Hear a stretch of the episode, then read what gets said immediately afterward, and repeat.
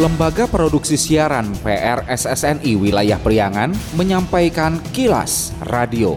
Disiarkan di 20 radio anggota PRSSNI di wilayah Priangan.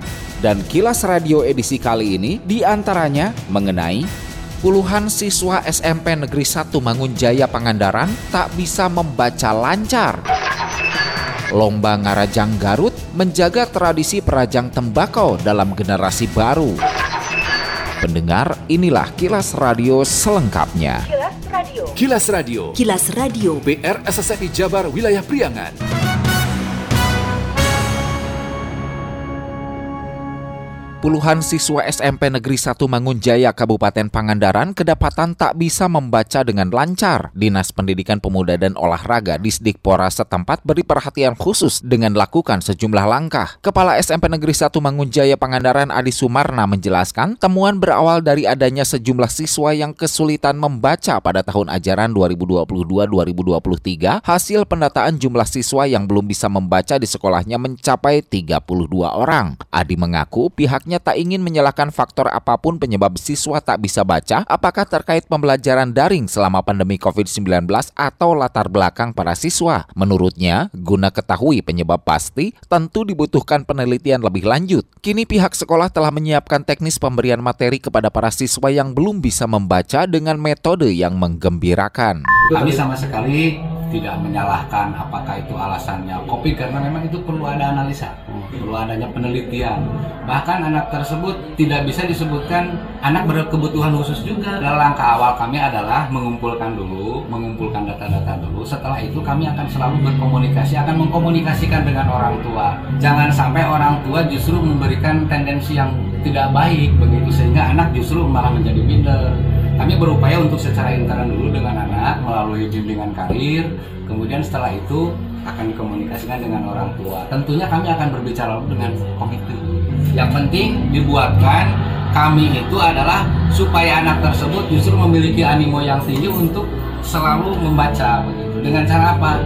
Metodenya tekniknya dengan cara yang menggembirakan Kepala Disdikpora Kabupaten Pangandaran Agus Nurdin mengatakan pihaknya telah menerima laporan adanya puluhan siswa SMP Negeri 1 Mangunjaya yang belum bisa membaca. Menurutnya, saat ini para guru telah membentuk tim khusus untuk memberikan pengarahan khusus untuk puluhan siswa itu. Ia juga meminta pihak sekolah tak perlu malu dengan masalah itu, justru temuan adalah merupakan tantangan bagi para pengajar untuk melakukan penanganan.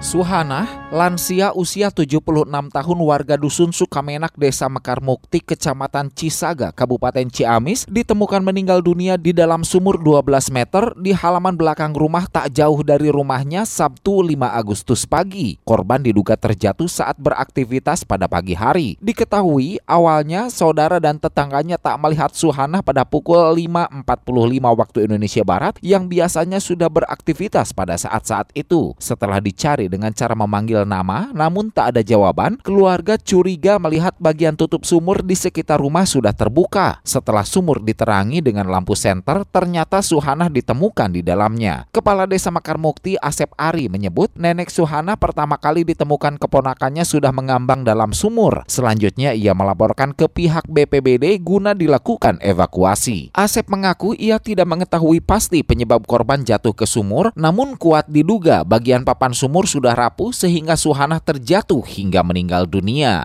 Ditemukan oleh ponakannya, dia mau ke sumur tersebut, papan yang di atasnya mungkin ada pak. Tim Pusdalop BPBD Ciamis yang datang ke lokasi langsung melakukan upaya evakuasi. Proses evakuasi berlangsung cepat dan lancar. Sekitar pukul 75 menit waktu Indonesia Barat, nenek Suhana berhasil diangkat dari sumur dengan kondisi meninggal dunia, lalu diserahkan ke pihak keluarga untuk disemayamkan dan dimakamkan. Kilas Radio. Kilas Radio. Kilas Radio. PR SSNI Jabar Wilayah Priangan.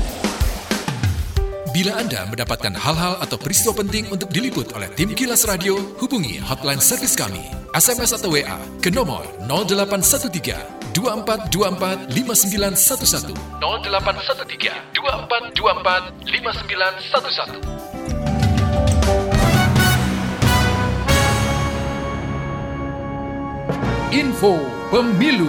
Info Pemilu Persembahan PR SSNI Jawa Barat. Komisi Pemilihan Umum KPU Kota Banjar serahkan berita acara hasil verifikasi administrasi dokumen persyaratan bakal calon anggota legislatif Bacaleg DPRD Kota Banjar kepada partai politik peserta pemilu 2024. Ketua Divisi Teknis Penyelenggara Pemilu KPU Kota Banjar Muhammad Wahab Hasbullah seusai rapat koordinasi pencermatan rancangan, penyusunan dan pengumuman daftar calon sementara DCS anggota DPRD Kota Banjar pada pemilihan umum pemilu 2024 di Aula Kantor KPU Kota Banjar Minggu 6 Agustus 2023 menjelaskan pihaknya telah jalankan tahapan-tahapan pencalonan Bacaleg yang dimulai dari pengajuan Bacaleg, verifikasi administrasi persyaratan Bacaleg, pengajuan perbaikan persyaratan, verifikasi administrasi perbaikan dokumen Bacaleg, dan menyerahkan hasil berita acara dari hasil verifikasi administrasi. Selanjutnya menurut Wahab, 6 hingga 9 Agustus 2023 tahapan pencermatan rancangan DCS DCS 11 Agustus ketika ada partai politik yang melakukan pencermatan DCS di mana partai politik boleh melengkapi dokumen yang TMS atau mengganti bacaleg yang memenuhi syarat atau MS maupun tidak memenuhi syarat TMS dengan catatan ada persetujuan DPP. Termasuk partai politik boleh menghidupkan kembali bacaleg yang kemarin dikeluarkan. Penyusunan DCS 16 hingga 17 Agustus, berita acara dan penetapan DCS 18 Agustus sebelum diumumkan kepada publik 19 hingga 23 Agustus 2023. Tanggal 6 ini juga awal untuk pencermatan rancangan DCS. Setelah tanggal 11 ketika ada partai politik yang melakukan pencermatan rancangan DCS. Pencermatan rancangan DCS ini salah satunya adalah partai politik boleh melengkapi dokumen yang TMS. Kemudian juga boleh mengganti bacalon yang TMS atau yang MS dengan catatan ada persetujuan DPP. Termasuk juga partai politik boleh menghidupkan kembali bacalon yang kemarin dikeluarkan gitu. Diajukan kembali dengan catatan ketika yang didaftarkan jumlahnya sama dengan pas pengajuan tanggal 14 Mei. Ya KPU sudah melakukan verifikasi dan BA-nya hari ini sudah dikeluarkan. Dalam BA itu nanti muncul mana calon yang MS, mana yang TMS.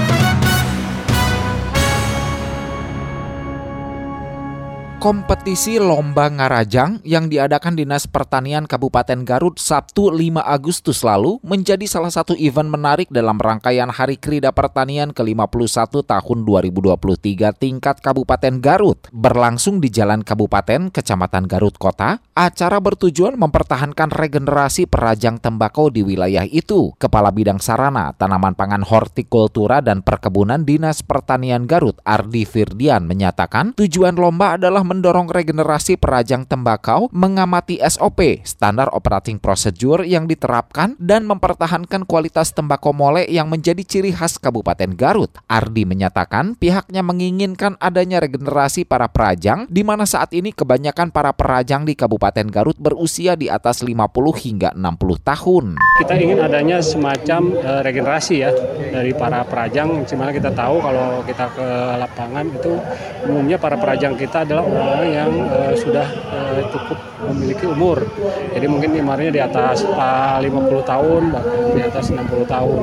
Nah, kita menginginkan agar uh, ada regenerasi di antara para perajang. Kemudian yang kedua, kita juga ingin melihat SOP yang dilakukan oleh para perajang itu di uh, tingkat uh, lapangan. Karena kita juga punya standar SOP sendiri dan tahapan-tahapan itulah yang kita lombakan. Kemudian yang ketiga, ini juga yang paling penting adalah bagaimana mempertahankan kualitas hasil rajangan yang ada di Garut khususnya untuk tembakau mole. Ketua DPD Asosiasi Petani Tembakau Indonesia APTI Jawa Barat Suryana menilai lomba mempromosikan pentingnya tembakau dalam menghasilkan keuntungan termasuk melalui cukai dan pajak rokok. Ia juga memuji kualitas rajangan peserta. Menurut Suryana, lomba menjadi langkah menuju regenerasi perajang tembakau yang lebih muda dan berpotensi meningkatkan pemahaman masyarakat tentang tembakau serta mendorong kesejahteraan. Bagaimana kebersihan daripada pengolahan tembakau ini? Yang kedua sistem irisnya bagaimana? Yang ketiga sisi lelerannya bagaimana? Sehingga dari A sampai Z itu bisa di, di, diketahui. Jadi tembakau itu merupakan tembakau yang dikatakan bersih daripada efek yang lain. Itu.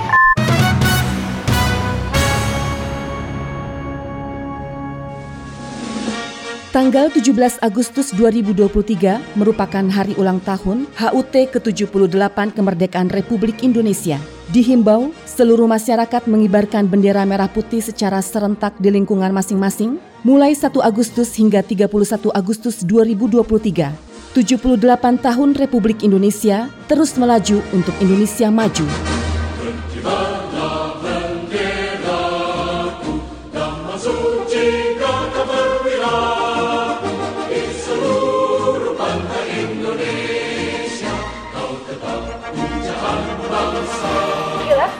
Kilas Radio. Kilas Radio. PR SSNI Jabar Wilayah Priangan. Sekian Kilas Radio. Saya Dido Nurdani beserta tim Kilas Radio Priangan.